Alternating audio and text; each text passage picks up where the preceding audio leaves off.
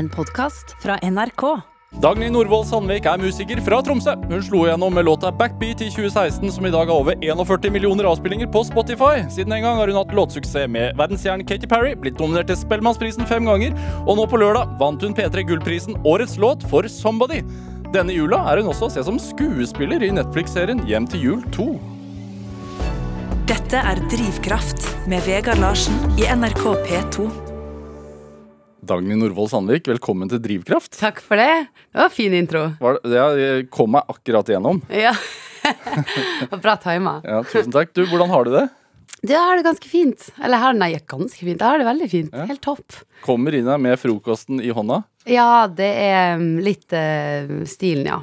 Um, veldig dårlig å spise frokost, så eh, jeg syns egentlig det var litt imponerende at jeg i det hele tatt har to brødskiver i hånda når jeg sprang ut døra i dag, for det skjer vanligvis heller ikke så veldig ofte. Um, men um, ja, jeg har jo bare fått spist den ene, da, for at jeg satt jo i taxien og hadde munnbind på. Det ble liksom litt vanskelig det- å kombinere. Men jeg skjønner at det er liksom at du lever eh, artistlivet når det er frokost klokken 11. Ja. Du skal få lov å mobbe meg litt for det. Det skal du faktisk få lov til. Jeg, jeg innser at eh, det er en litt annen, annen greie enn eh, vanlige folk.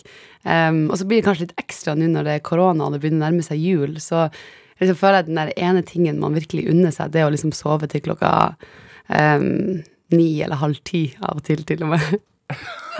Du må ikke dømme meg for hardt nå. Ja, men er det, det er, det er ni-halv ti, er ikke det ganske tidlig? Så siden man, altså, dere jobber jo om kvelden. Ja, vi gjør jo det, og det er det som jeg tror um, For jeg husker, jeg husker jeg var på radio en annen gang, og så sa jeg at jeg sov um, til ni, for da, da hadde jeg en sånn periode jeg var ganske flink å stå opp liksom halv ni, ni. Og da sa, det, fikk jeg en som, eh, skrev melding til meg at eh, ja, det var noen som hadde det, liksom. Han skulle opp på jobb hver morgen klokka sju, og det var, det var ikke noe sånn der, eh, ufint med meldinga, men, eh, men eh, man bare innser at man lever litt annen døgnrytme. Og vi har jo noen dager der sant, vi er i studio fra ja, helt til ett, to, tre, fire har til og med skjedd. Hva er det som skal til for at man er der til klokka fire?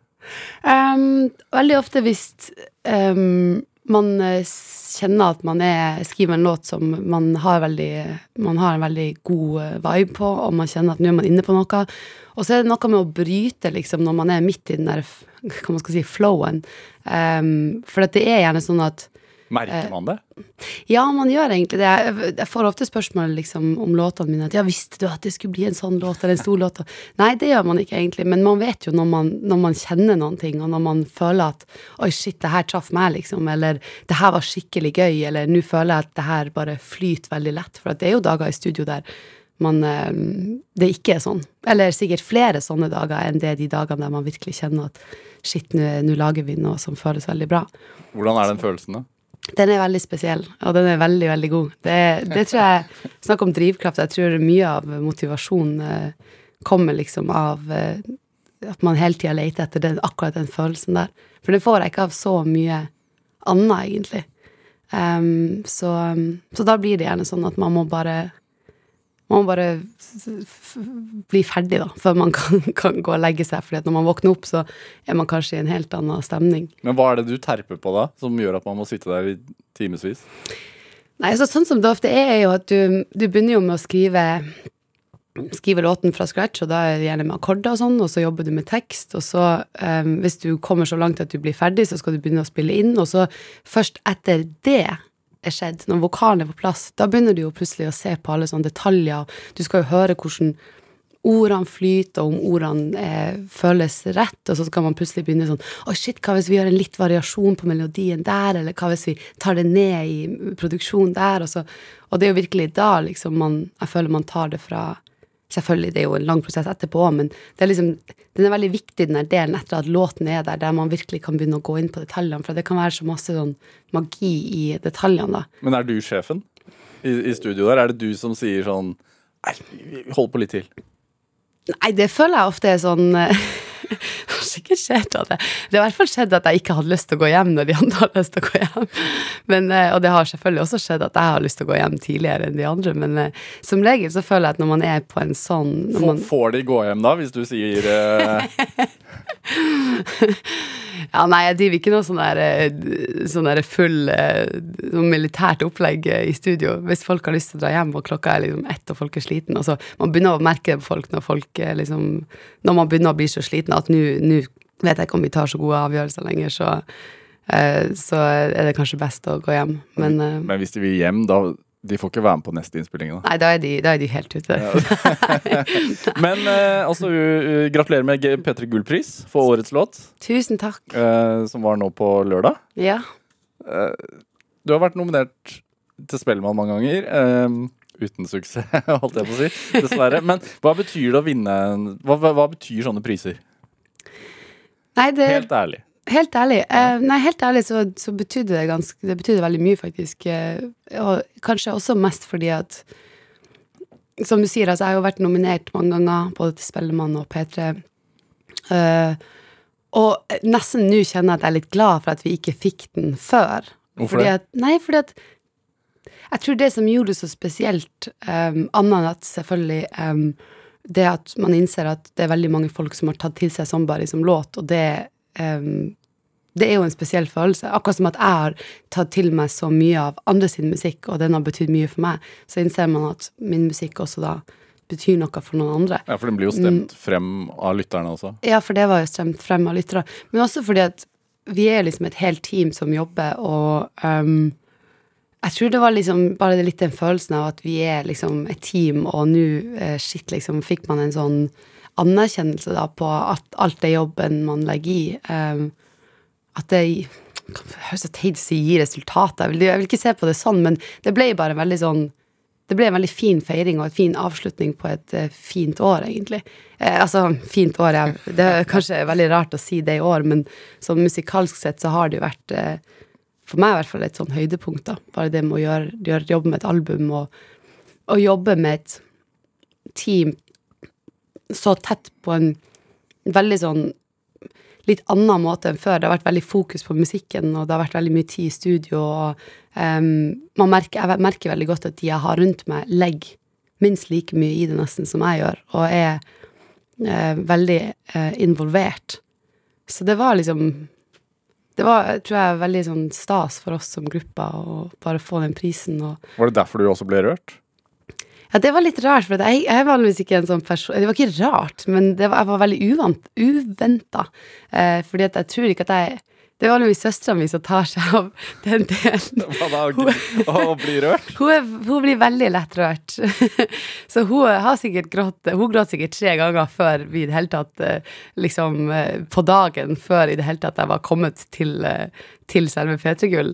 Hun blir utrolig rørt, og, og hun jobber jo også med meg, da, så Um, hun, er, hun er manager, gjør hun ikke det? ja, hun er manager, ja. Så eh, når jeg sto der, jeg hadde overhodet ikke forventa å få en sånn reaksjon. Samtidig som det var på en måte Det var litt fint å kjenne at det, at det traff på den måten, da. For at, eh, jeg er sånn redd for å bli liksom for rusta, eller for sånn nøytral, eller at man på en måte skal slutte å kjenne på de der um, høy, høydene, da.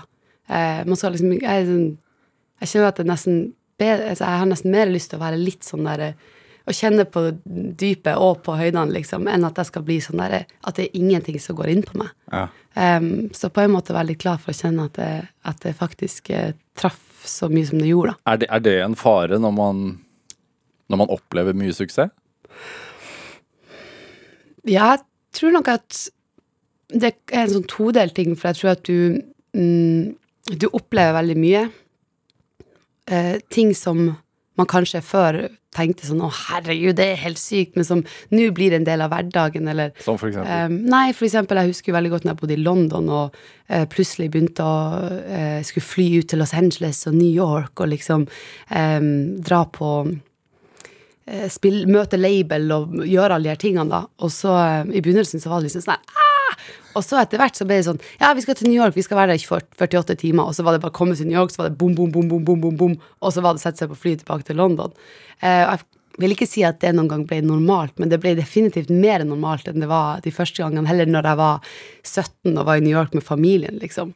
Um, så det er sånne, sånne ting. Um, Hvordan, så, hvordan minner man seg selv på at at det er, liksom, er en drøm hver gang, da? ja, det er et godt spørsmål. Um, kanskje det er liksom For det jeg også skulle si i stad, var det at jeg tror også man blir liksom rusta for at man må liksom alltid være forberedt på det uventa, på en måte. Um, sånn at det blir noe med at uansett hvilken situasjon du kastes ut i, så må du liksom bare stå i det. Um, og det gjør jo at man blir mer sånn um, sånn, Ting går ikke så, så lett innpå meg kanskje nå som det gjorde før. Eh, men det vi har satt som mål da i år, er at eh, vi skal være flinkere å feire.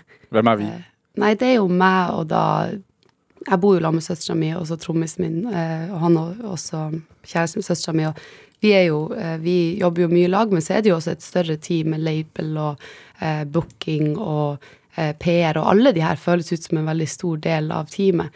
Um, så vi prøver liksom å Jeg og søstera mi var det som gjorde det her um, Som inngikk den her avtalen, da, om at når noe spesielt skjer, så skal vi være flinke og, og sette pris på det, og vi skal være flinke og liksom samle gjengen og bare gjøre en form for feiring. Sånn at uh, ja, man skal kjenne at det er litt stas når det skjer noe spesielt. Ja, vi, vi ringte deg i går, da, da hadde du festet siden lørdag, sa du. Så.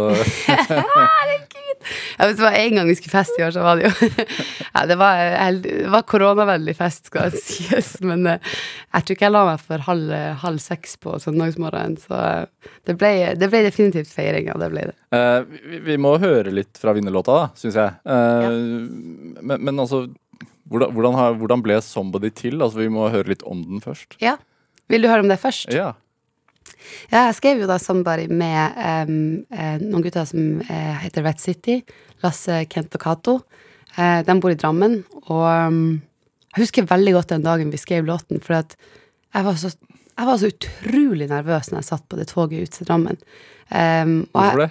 Nei, for at jeg hadde akkurat skilt lag med labelet mitt um, i USA, og hadde egentlig hadde lengre Altså, jeg hadde akkurat måttet begynt å skrive igjen, da. Jeg og følte at det var ganske lenge siden jeg hadde liksom uh, skrevet noen ting som jeg var gira på, så jeg var litt sånn Følte at jeg kanskje hadde mista det litt, da. Um, så, og så det, kjente jeg jo ikke dem. Sånn at eh, jeg var bare veldig spent på å komme ut der og liksom møte de her tre menn, da, og Eller gutter, jeg holdt på å si guttene, de er jo ikke gutter, de er menn.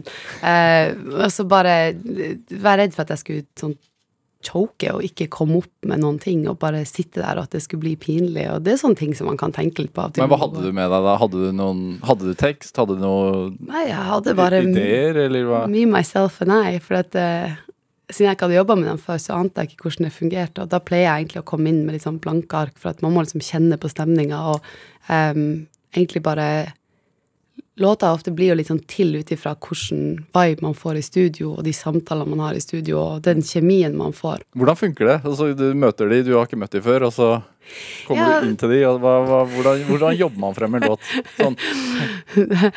um, du må bare stoppe med når det blir kjedelig, for det her er jo sånn som vi er så vant til at det, Jeg vet ikke hva som er liksom de interessante bitene eller ikke, men, men, det som skjedde da, var at jeg kom ut dit, og de er jo bare en helt herlig gjeng. Uh, virkelig sånn uh, det var mye banter fra, liksom, eh, fra the get-go. Så, så vi, vi, fikk en sånn veldig fin kjemi til å begynne med. Og så hadde de da lagd et, eh, et eh, spor, eller et track, som det heter. Mm, og, så, og, så, var det bare å fyre opp en mikrofon, og så var det bare å begynne å synge. Um, og så heldigvis, da, så så gikk det ganske fort at vi fant den melodien på Somebody. Ja, For de hadde en slags melodi på forhånd? Men De hadde ikke noen melodi, men de hadde um, altså akkordene og ja. tracket. Og så var det bare å begynne å jamme, liksom, over uh, tracket. Og så uh, satt jeg der, og så på gulvet, tror jeg, og så holdt jeg mikrofonen, og så begynte man å synge, og så, og så hva, hva, sang du da? Nei, vi kom vel ganske fort inn på den der uh, Um, og, og, så var det liksom det ordet, da. Det var liksom bare Og så um, Fordi sånn akkord, akkordene trigga Ja, eller Det var nå liksom bare det som fløyt over de akkordene. Ja. og så um, og så i løpet av den dag én, da, så hadde vi liksom hele melodien. Og vi hadde også det her ordet, da, 'somebody'.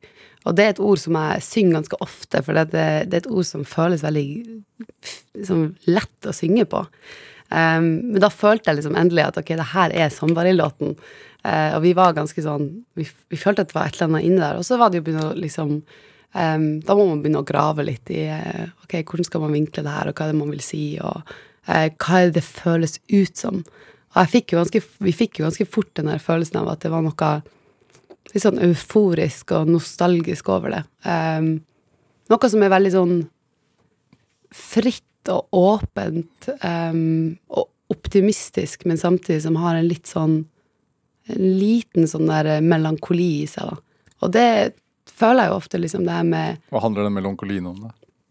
Nei, jeg, jeg, vet ikke, men sånn som jeg ser den, så Jeg syns jo liksom Sambari er på en måte en, en hyllest til uh, på en måte forelskelse i seg sjøl. Det, liksom, det var ikke skrevet til en spesiell låt, men heller den der følelsen som jeg har fått oppleve liksom, gjennom 20-årene, når jeg har forelska meg. Og så tenkte jeg ok, det er en fin hyllest til det, men det som er morsomt med liksom Det er ikke morsomt, men det som er når man liksom for eksempel er nyforelska, og, og, man er veldig sikker på sjøl hva man føler, så er det jo alltid den der usikkerheten om hva den andre føler, og eh, man, man, blir jo litt sånn der jojo eh, i de der periodene, for man er så utrolig sånn høy på livet, og det er så mye følelser, og det er så mye energi, men så er det også sånn der eh, så utrolig mye usikkerhet og eh, liksom spenning i kroppen og sånn, så jeg prøvde vel egentlig bare å fange hele, hele det spekteret i den låta, da. Mm. Du, du, sa i starten av samtalen vår at du kunne liksom føle på deg når du var i studio og jobba, om det kom til å bli en vellykka poplåt eller ei. Ja. Følte du det?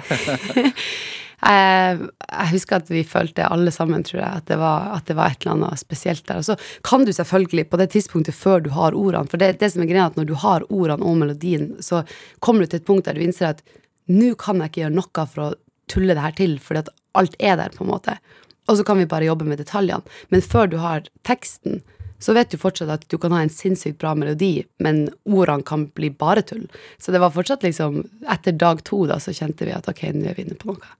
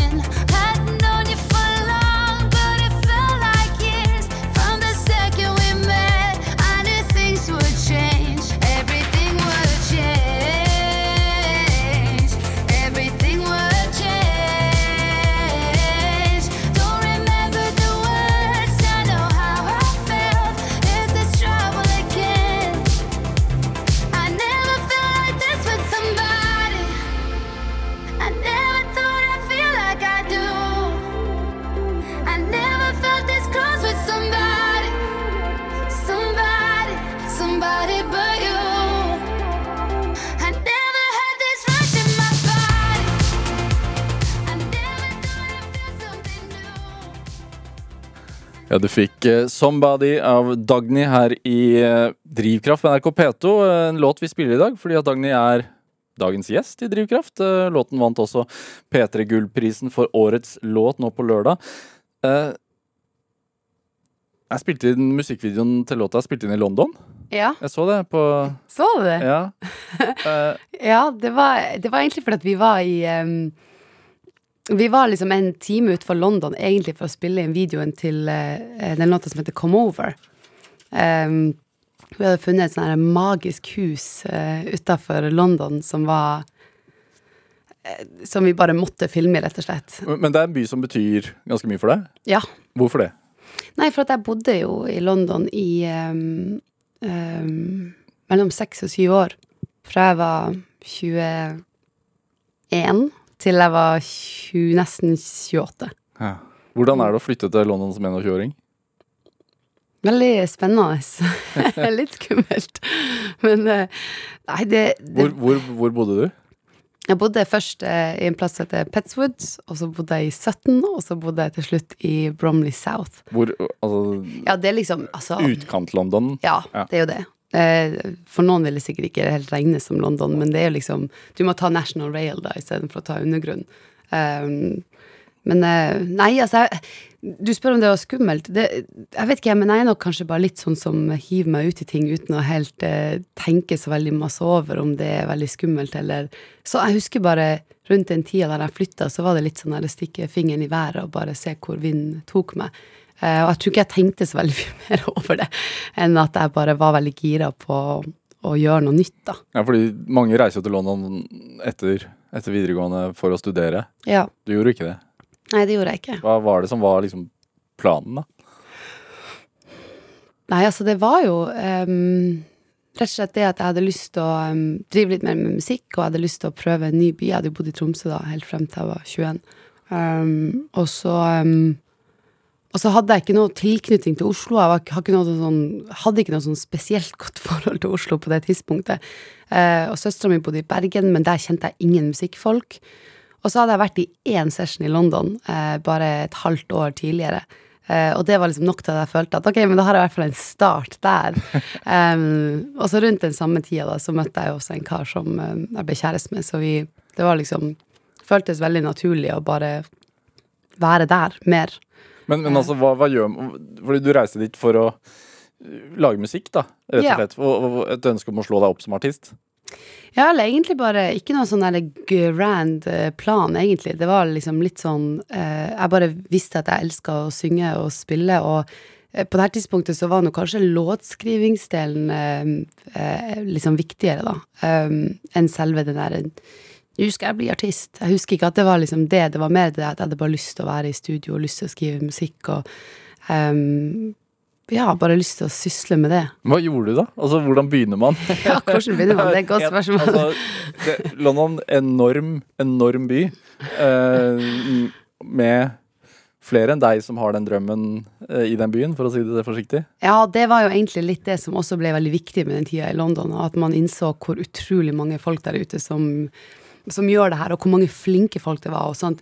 Når jeg kom til London, så møtte jeg jo folk som gigga seks av syv dager i uka, og som gikk i sessions hver dag, og jeg visste jo så vidt hva en session var, liksom. Hva er en Eh, session? En session det er liksom at folk samles og skriver musikk. Altså én, to, nei, to, tre, fire stykker, liksom. Og bare skriver en låt. Eh, Hvor da- møter man disse menneskene? Nei, i et studio, kanskje hjemme hos noen. Um, I et studio. Um, på det her tidspunktet så hadde jeg bodd i Tromsø og hadde skrevet med venninna mi og June, som jeg spilte musikk med på den tida. Um, men hadde liksom aldri gått inn og møtt en fremmed person og vært sånn Ja, hva skal vi skrive om i dag? Så det var helt sånn Det var en helt ny verden. Men hvordan Unnskyld at jeg spør dumme spør stiller dumme spørsmål her nå, men hvordan møter du disse folka?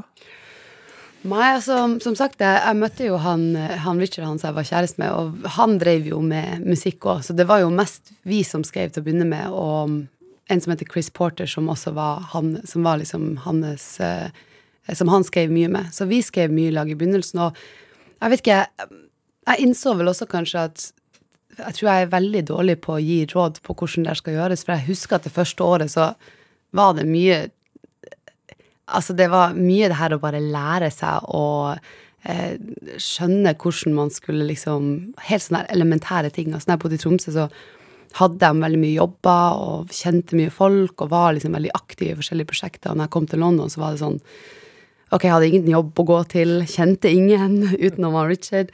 Um, liksom Bare det her å finne føttene sine da, før jeg tok uh, mye tid. Uh, og selv om vi var mye i studio, så, så var det også den her hele tida den der følelsen av at Shit, hva er det du liksom kast, altså, er, Hvordan er det du bruker tida di? Du må gjøre noe fornuftig. Du må gjøre noe som, som skal liksom være viktig, på en måte. Så jeg prøvde jo å finne alle mulige hobbyer for å bare føle at jeg gjorde noe fornuftig. Så jeg begynte jo å sy litt, og jeg var sikkert innom tegning en periode. Altså det, alt sånn kreativt som jeg kunne komme på, som bare fikk meg til å føle at når jeg gikk og la meg på kvelden, så hadde jeg gjort noe fornuftig. Eh, så den følelsen husker jeg var ganske sånn tyngende det første året. Eh, Hadde du noen sånn målsetning? Altså at du Nå gir jeg dette her så og så mange år. nei, Var egentlig ikke. sånn, ikke noe langsiktig Nei. mål Nei, med jeg, det hele, liksom? egentlig en helt håpløs langtidsplanlegger. Eh, veldig sånn der i øyeblikket, egentlig. Så jeg kan ikke huske at jeg var noe sånn jeg tenkte at her er det overordna mål, eller eh, nå skal jeg ha så mye tid som jeg skal liksom tilegne til det her, og så får vi se. Og det gjorde nok også at ting kanskje for meg alltid har tatt litt sånn lengre tid. Jeg er veldig sånn late bloomer.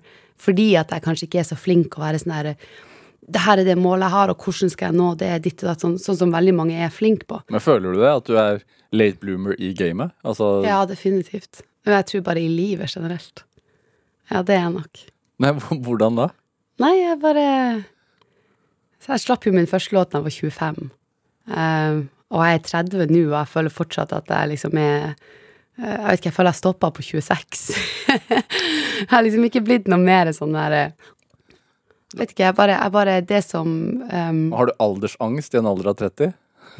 Nei, men det er kanskje mer det at man ser liksom at folk rundt deg, eller sånn folk man gikk på skole med og sånn, for dem så begynner det å bli naturlig å liksom kjenne på det her med at de vil stifte familie og kjøpe hus og ha bil og sånn, og jeg føler liksom at jeg akkurat bare get started med musikken, og at jeg fortsatt har alt. Eh, jeg har så mye jeg fortsatt har lyst til å gjøre med det, og jeg kjenner ikke at jeg er noe sånn klar for å slå meg til ro, eller for å stoppe, liksom, eller slutte å reise så mye som jeg gjør, eller Altså, nå har det jo vært mindre reising i år, men da kjenner jeg at det liksom klør i hele kroppen. Men hvor kommer de Altså, det å føle på en sånn etableringsting, altså er det press utenifra eller innenfra? Nei, det er nok sikkert mest det der um, Jeg vet ikke, jeg føler kanskje at man um, det her generaliserer jeg jo veldig, men det er jo en slags sånn der formel, eller en sånn derre Det som er kanskje naturlig, da. Liksom, for, som dame, for eksempel, så er du selvfølgelig um, Har du jo ei biologisk klokke som du kanskje må forholde deg til på en annen måte enn hvis du er mann. Um, og det er sånne ting som man kanskje i hvert fall som kvinne må tenke igjennom da, på et eller annet tidspunkt, for at det er bare realiteten. Um, men jeg tror generelt også at Sånn som for eksempel nå, da, når vi Jeg bor i hva man skal kalle det, kollektiv, da, med søstera mi og trommisen min, så er det jo mye sånn Vi, flir, flirer jo litt av det. Eh, eller folk flirer litt av det. Eh, fordi at det er liksom bare Når man er kommet til en viss alder, så kanskje er det ikke naturlig at man skal gjøre sånn og sånn. Det er kanskje mer naturlig at man skal gjøre sånn og sånn. sånn at jeg sier ikke at det er sånn det skal være, men jeg tror det er en slags sånn oppfatning som vi har da, i samfunnet, om at det er en slags sånn der naturlig eh, gange i ting, da. Em, skole, eh, finne seg en partner, slå seg til ro, få unger, osv., osv., osv. Eh, og selvfølgelig utvikle seg i jobben. Det, og det er klart at når man jobber med musikk, eller i den jobben som jeg har, i hvert fall, som er det jeg kan snakke om, siden det jeg har erfaring med, så er det kanskje ofte at man tar en litt annen vei da, eller at man eh, kanskje ting ikke nødvendigvis går like naturlig i den gangen. Um, Hvordan passer det da? Nei, det passer meg veldig fint, men det er liksom Man kan av og til kjenne på en sånn her ah, At det er litt sånn skummelt, og man føler at man kanskje henger litt etter, eller at man føler at man At eh, det, er litt, det er litt skummelt da å gjøre noe, eh, noe annet. Um, og det har jeg kjent gjennom 20-årene òg, at jeg f.eks. har hatt tider der jeg har tenkt sånn Å, herregud, nå er jeg nødt til å få meg en utdanning, for at, hvordan skal det gå med meg hvis jeg ikke får det? Og så har jeg liksom bare måttet huske at nei, men shit, jeg jobber fortsatt eh, Jobber fortsatt hver dag og står på og prøver å få ting til, og så lenge jeg liksom har motivasjon og inspirasjon innenfor det, så må jeg bare huske at det er ikke noen fast regel på hvordan man skal leve et liv. Man skal få lov å ta sine egne valg, og um, jeg vet masse folk som lever mye altså, som bestemmer seg for at nei, vet du hva, jeg elsker surfing, så jeg skal bo seks måneder på Bali i året, og så skal jeg være hjemme seks måneder og jobbe så jeg har råd til å dra tilbake til Bali og surfe i seks måneder. Altså, det fins liksom så mange måter å gjøre det på. Og jeg syns at uansett hvordan man velger å gjøre det, så må det få være greit, så lenge man sjøl kjenner at det er det man har lyst til. Hvordan, hvordan har du kommet frem til den erkjennelsen? Nei, jeg tror um, tror nok at det er liksom litt en, en del av meg òg. Jeg tror ikke at jeg ser ting så veldig svart-hvitt, og er ganske um, Jeg er ikke spesielt sånn dømmende heller, så uansett Jeg syns bare det er inspirerende at folk er forskjellige, og at folk velger forskjellige måter å leve på, og at man tar forskjellige valg. Um, sånn at um, akkurat det var ikke så, det er ikke så vanskelig å komme frem til for min del, men det er kanskje bare det at av og til så, så, må man liksom Og det gjør man uansett, tror jeg, hva man gjør i livet. Så må man ta noen sånne runder med seg sjøl og kjenne etter. Ok, gjør jeg det som føles rett? Og eh, er det det her jeg har lyst til? Har jeg fortsatt motivasjon? Er også alle de her tingene, hvis du skjønner. Følte du på det altså da du reiste til London og er langt hjemmefra og en stor by, og suksessen kanskje ikke kommer, da? Følte du på det da? Jeg kan ikke huske at jeg kjente så veldig mye altså jeg, Som sagt, utenom at jeg øh, måtte finne beina mine litt først det første året, så idet jeg kom inn der, så kjente jeg bare at uh, det var en utrolig spennende um, Hele den London-reisen var liksom utrolig spennende. Uh, men jeg hadde jo det lille um, Jeg hadde en sånn liten periode i 2015 der jeg egentlig bare kjente at det ikke gikk noen vei, og at jeg, at jeg begynte å Som jeg sa tidligere, at jeg, jeg kjente faktisk i meg sjøl at wow, nå vet jeg ikke om det her er så givende lenger. Um, og da bestemte jeg meg for å søke på skole. Um, og så gjorde jeg det. Og så fant jeg ut at herregud, det er jo så mange spennende ting man kan studere. Så ble jeg liksom inspirert av det. Og så, uh, så fant jeg ut at ok, nå skal jeg flytte tilbake til Norge og gå på skole. Og um, drive med musikk, men kanskje liksom mer ved siden av, da. Um, så ble jo ikke det, da. Nei. Nei. men var det altså, altså, Moren og faren din oppfordret de deg til å søke på skole og ta en utdannelse, eller hvordan var det? Nei, de, eh, de, har alltid vært veldig støttende eh, med musikken, og eh, det var jo faktisk Det var jo til slutt faktisk de som inspirerte meg, og, og vi kom frem til i lag da, at nei, nå skulle jeg bli i London jeg var minst 30 og fortsette med musikk. og så endte det med at jeg gikk et halvt år på sånn nettstudier, men vi slapp jo da Backbeat, som var min første singel, tror jeg i september september, og jeg begynte jo på skolen i august. Um, og etter backbeat så, så tok jo Så skøyt det jo virkelig fart, sånn at uh, ja. Da ble det bare et halvt år på skolen. Dette er Drivkraft med Vegard Larsen i NRK P2. Og i dag er uh, musiker Dagny Norvoll Sandvik her hos meg i Drivkraft på NRK P2. Uh, den backbeat, vi må høre den etterpå. Altså, men jeg bare lurte litt på, siden du snakket om moren og faren din. Du er fra Tromsø? Ja. Hvor i Tromsø? Mellom uh, Bo i nord og uh, Håpet, så uh, en plass som heter du får en reaksjon på sida. Ja, produsenten i ja. Nei, så ja, rundt Bo i nord-området, ja. ja. Hvordan, hvordan, er det å vokse opp i Nordens Paris? Du, det var helt nydelig. Ja, ja jeg trivdes veldig godt. er det Moren og faren din, som du nevnte, er også musikere? Ja. Hvordan har, altså, hvordan har musikk prega barndomshjemmet, tenker du?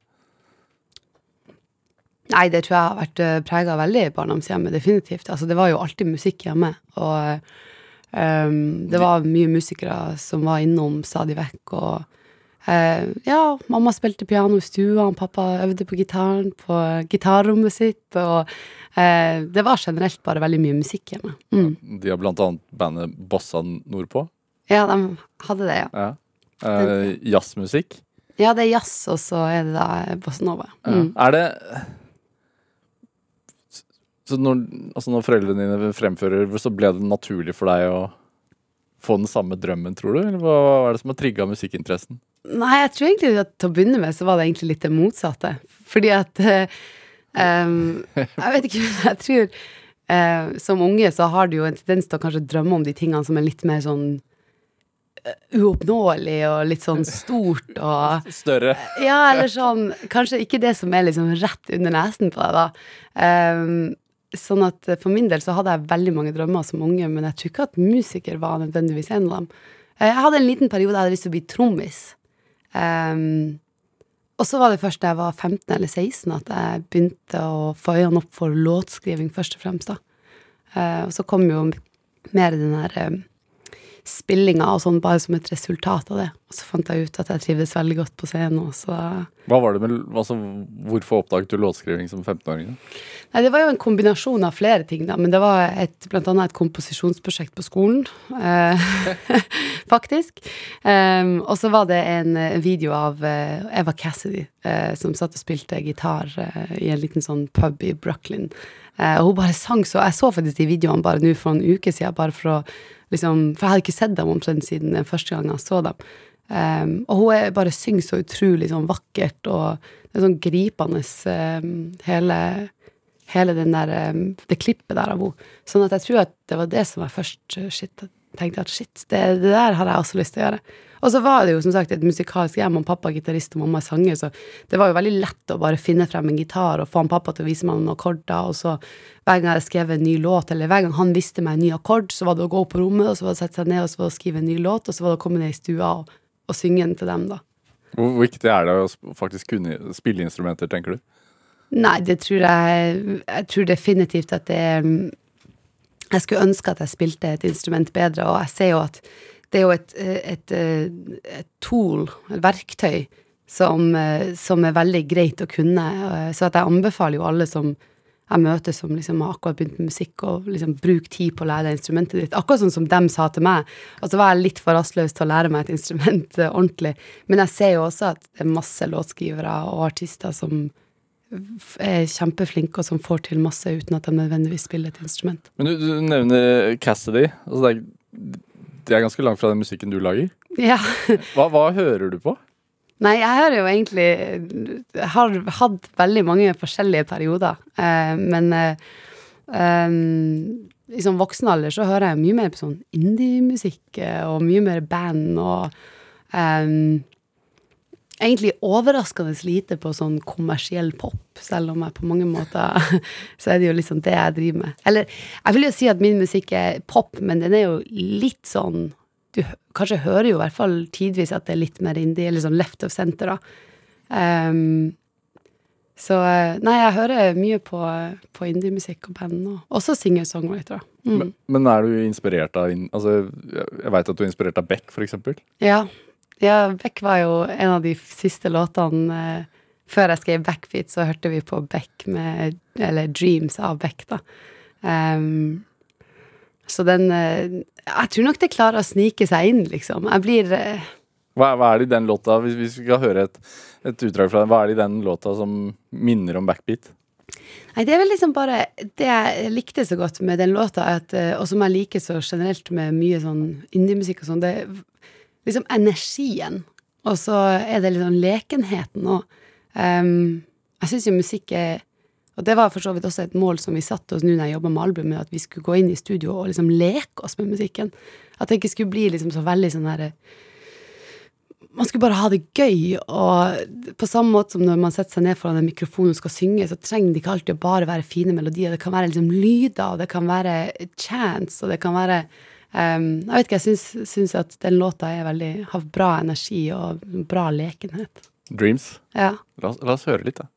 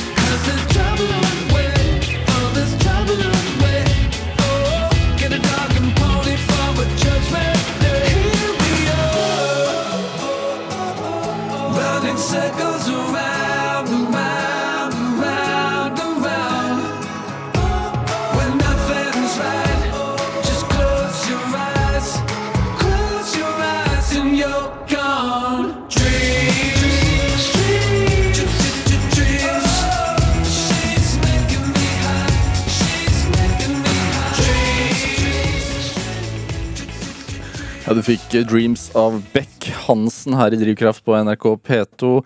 En låt valgt av dagens gjest her i Drivkraft, nemlig Dagny Norvoll Sandvik, eh, musikeren eh, som er her i dag. Eh, Når du hører låta nå, Mm. er det Hører du hva som inspirerte til Backbeat?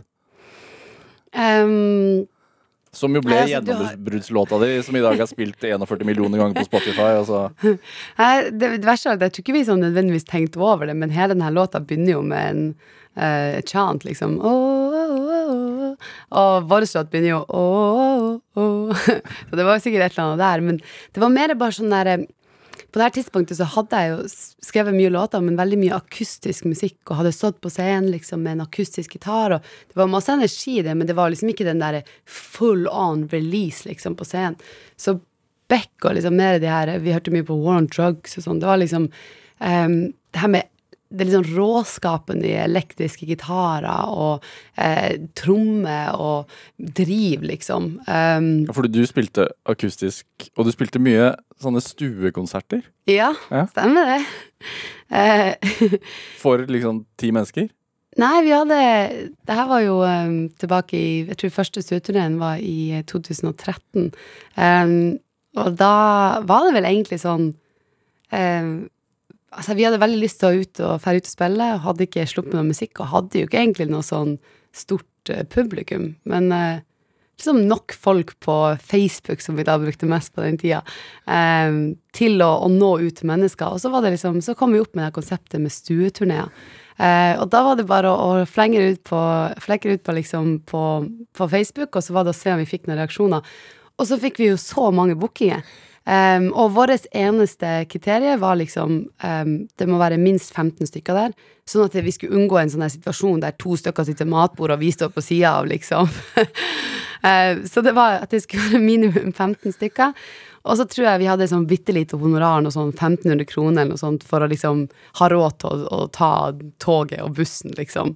Um, Var det til London eller i, Norge? Nei, Det her var i Norge. Ja. Så første stueturneen så var vi og besøkte 35 stuer på 28 dager. Og da var vi alt fra liksom Finnmark til eh, utfor Trondheim, vi var i Bergen, vi var i Oslo, vi var i Tromsø. Eh, eller vi var litt, ikke i Oslo, men vi har Nøtterøy, for eksempel, og også litt utafor Oslo. Eh, Egne låter eller coverlåter? Nei, det var egne låter, for vi hadde jo mye låter. Vi hadde bare ikke sluppet noen låter. Um, og så var vi på da to til stueturneer i løpet av 2013 og 2014. Um, og vi møtte så mye fine folk. Uh, det var liksom en helt spesiell opplevelse, for ikke bare det at vi hadde kjempegøye konserter, og det ble jo så utrolig sånn stemning i de stuene. eh, altså, i de stuene, noen var det 15 stykker, noen var det 50 stykker. Eh, men vi bodde jo også hos de som vi spilte hos, og så ble vi kjent med folk. En slags sånn Airbnb, eh, sånn couchsurfing? Ja, vi spiller hvis vi får lov å bo her hos Ja, dere. det var litt sånn. Det var jo det, Vi hadde jo ikke råd til noe annet, så vi, må liksom, vi måtte jo bare få det til på et eller annet vis. Hva slags folk var det som inviterte dere, eller booket dere da, i stua si? Nei, det var jo det som var så fint, da, for det var liksom Vi møtte jo Altså, klart, når du driver musikk, så Og jeg hadde bodd i London og vært veldig inne i det her eh, som Stort sett vært sammen med musikere og folk i musikken, liksom. Men vi var jo Vi møtte jo folk alle mulige jobber, i alle mulige situasjoner. Vi var på på gårder, vi var i leiligheter, vi var i hus, vi møtte lærere og barnevernspedagoger og advokater. Altså det var liksom Det var alle mulige slags folk, og det som man bare innså, var at um, det er bare utrolig mye fine folk der ute. Um, og folk tok imot oss to randomme folk som kom med liksom syv håndbagasjer liksom inn i stua, og eh, det var Det var bare så eh, Folk, det var sånn åpenhet, da. Hva lærte du av det, tror du? Nei, jeg lærte jo nettopp det der med å eh, Og det her har jo for så vidt alltid vært åpen med folk, men at det er folk er Man eh, Altså, vi connecta veldig med veldig mange og ble kjent med veldig mye folk, og um, det var liksom ikke noe skummelt der å komme inn i huset deres og plutselig liksom skulle være gjest hos dem i 24 timer, selv om vi aldri hadde møtt dem. og vi fikk så mange fine samtaler, og jeg husker liksom når vi da, mange år senere, når vi hadde sluppet Backbeat, så skulle vi ha vår første konsert på Parkteatret her i Oslo. Um, og den konserten var usolgt, og vi var selvfølgelig kjempegira.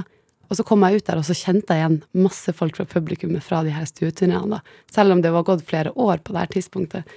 Um, De hadde fulgt med. De hadde Ja. fulgt med på reisen. nei, det er nesten sånn der Jeg skulle nesten ha, Jeg skulle gjerne dratt ut på en stueturné igjen. Altså, det skulle jeg gjort. Ja. Men stemmer det at en backbeat at den er skrevet i et slags sånn ja, hage, en hagebod, nesten? Ja. Si. ja, det var det. Nei, altså, jeg skrev jo denne låta Backbeat med en som heter Sam McCarthy, som bodde i eh, eh, På det her tidspunktet da eh, akkurat flytta hjem til foreldrene for en liten periode. Han har bodd i London i mange år. Eh, og han hadde et lite sånn studio i liksom eh, skuret ute i hagen. Eh, altså det var det et studio, ja. Ja, men det, altså, det var typ ja, det var jo et studio. Det var jo en datamaskin og gitarer på veggen, liksom. Men det var bitte lite, og virkelig sånn der skjedd, liksom.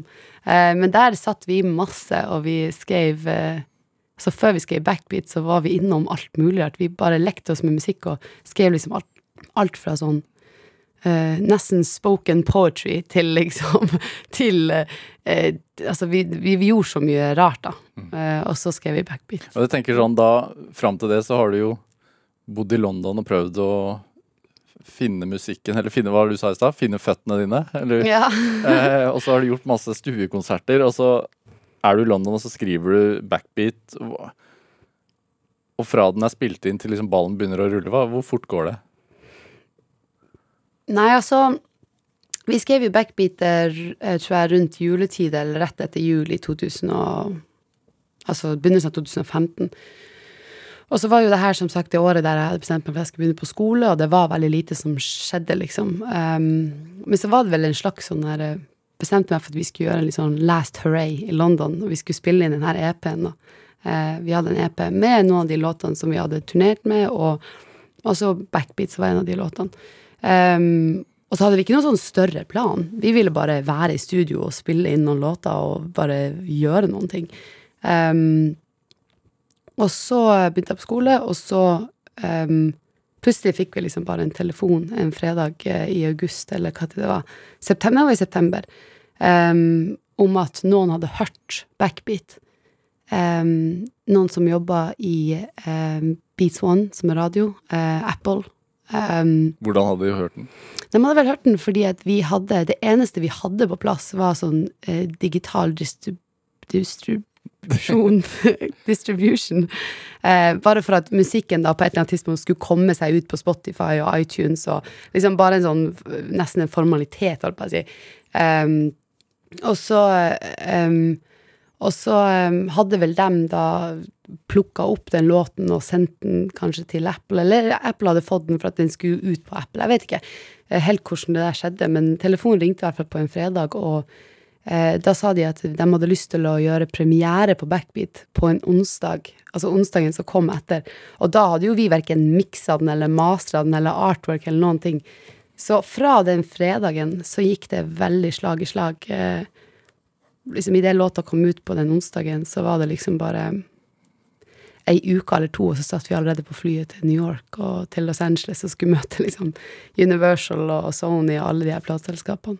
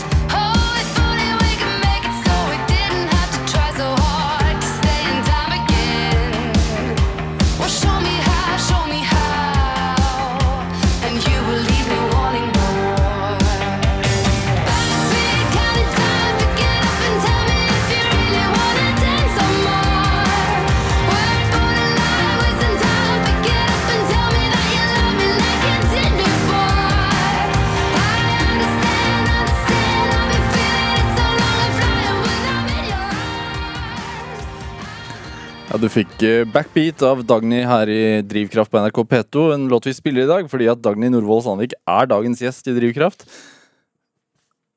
Hva, altså, låten er jo nå snart seks år gammel. Ja, ja. Ja, den er jo det. Fem, fem og et halvt. Er, er du like glad i den? Ja, det vil jeg si. Ja. ja. Um, ja, nei, jeg er det, egentlig. Jeg har liksom ikke Veldig rart å si at man ikke er blitt lei den, men det er bare en sånn låt som eh, selvfølgelig har en veldig spesiell plass eh, hos meg, og jeg er liksom ikke lei den. Men det skal også sies at idet jeg slipper musikk, så hører jeg nesten aldri på den. Er det sant? Eh, ja, nei. Hvorfor ikke? Nei, jeg bare Altså, det er klart at i en sånn prosess med å skrive musikk og med å spille musikk og sånn, så veldig mye Dagny monitor når det står på, liksom, og man hører gjennom demoer og masse forskjellige versjoner, og så miksing og mastering og hele pakka, liksom. Og idet den på en måte kommer ut, så er vi liksom selvfølgelig ikke ferdig med den, for vi skal jo ut og spille den, og den skal, vi skal liksom ut og leve sitt eget liv, da. Men, eh, men det er ikke sånn at jeg liksom sitter hjemme, eller hvis jeg sitter på bussen, at jeg setter på liksom Backbeat eller Love You Like That eller Somebody, eller um, Sånn at Tror du, tror du det er noen artister som gjør det? Nei, jeg vet ikke. Det, og no judgment, altså. Man, det er klart, man må jo lage musikk som man sjøl liker, men, eh, men eh, Nei, man, da er man liksom gjerne kanskje i en prosess med å skrive nye låter, og da er det de som, som eh, man jobber med og er i. Så de eneste gangene jeg liksom hører dem, er når vi spiller dem live, eller sånn som nå når jeg sitter her hos deg, og Ja. du setter den på, liksom. Ja, Men du sier for mye Dagny monitor. Er det sånn Er det fare for å gå lei seg selv? Ja, det tror jeg nok. Tror du det? Eh, ja, nei, jeg vet ikke. Det er jo Jeg holdt på å si, jeg, jeg føler jo at eh, når jeg snakker om jobb, og vi mm, jobber med musikken og diskuterer, så, så har man et uh, Altså, man tenker jo ikke på det, liksom jobben som en sånn der eh, Altså, det, det er jo en forskjell på meg privat da, og på meg når vi liksom sitter og diskuterer. Så når vi sitter i studio og diskuterer liksom en låt, så føler jo ikke jeg at vi snakker om meg, på en måte. Vi snakker jo om låta, sånn at eh, men, jeg, men jeg kan godt kjenne liksom at eh, Og så skal artisten Dagny fronte den. Ja, og um, I studio så er du Norvoll Sandvik, og så skal Ja, nei, jeg kan kjenne for eksempel eh, Det er klart at liksom, man kan jo kjenne på det av og til i sånn der eh, Når man eksempel gjør podkaster sånn, så går man gjerne derifra og tenker sånn Å, herregud, nå var det mye Dagny i monitor.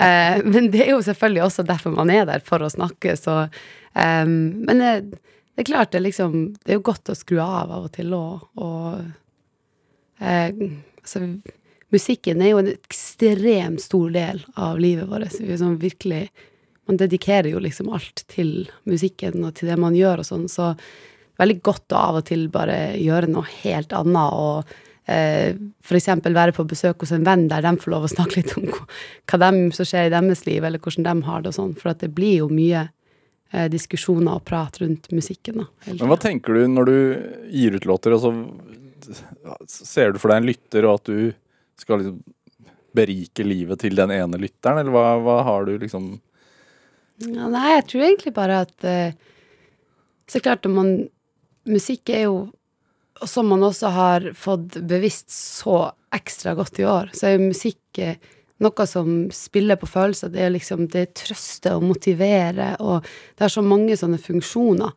Um, og jeg kan jo aldri styre hvordan liksom en lytter skal oppleve en låt, eller om de skal like den, eller om de skal høre på den når de er trist eller glad, eller om den skal motivere dem, eller altså hvilken funksjon den har for dem. Men det eneste jeg kan på en måte basere det på, er liksom hvilken reaksjon har jeg når jeg eh, skriver den låten, eller hører på den når vi akkurat har skrevet den. Eh, og det er liksom det jeg baserer egentlig alt på. At eh, hvis jeg jobber med en låt som jeg ikke føler noen ting av, så vet jeg også at da er det ikke en låt for meg, liksom. Hvorfor blir det veldig ofte kjærlighetslåter, da? Ja, Det er et godt spørsmål. Um, er veldig, man er jo opptatt av eh, liksom, relasjoner man har til folk rundt seg. Det er jo en stor del av livet, liksom. Eh, ikke bare kjærlighet, men også liksom, vennskap og samtaler man har, og observere de forholdene som er rundt deg. Så for min del så har det bare vært naturlig å fokusere på det, fordi at det er de tingene som eh, jeg klarer å sette liksom, Som jeg har lyst til, og som jeg klarer å sette ord på i musikken, og det er de tingene som som på en måte treffer meg, da. Men jeg syns det er veldig fint å høre på musikk som også eksempel um, er litt mer abstrakt, eller som liksom uh, musikk som handler om Sånn som Aurora, da, som skriver mye om eksempel um, jorda og liksom mer natur Sånn mer enn Har referanser, bruker mer sånn ord som handler om naturen rundt, eller um, Eller folk som har politiske tekster og sånn. Det syns jeg også er spennende, men jeg har liksom ikke helt klart å naile det um, Det er ord um, Altså, jeg har ikke klart å ordlegge meg kanskje på den måten ennå, nei. Mm. Det er fremdeles tid, Dagny. Tusen Ja. takk for at du kom hit til eh, Drivkraft. Takk, det var veldig hyggelig å være her. Um, hør flere samtaler i Drivkraft på NRK på nett, eller last oss ned som podkast. Send oss også gjerne ris og ros og tips til mennesker du mener har drivkraft. Send den e-posten til drivkraft, krøllalfa, nrk.no. Vi hører veldig gjerne fra deg. Produsent og researcher i dag var Pål Arvid Jørgensen. Superkollega Anne Sofie Stang bidro også sterkt til denne sendingen. Jeg heter Vega Larsen. Vi høres. Du har hørt en podkast fra NRK. Hør flere podkaster og din NRK-kanal i appen NRK Radio.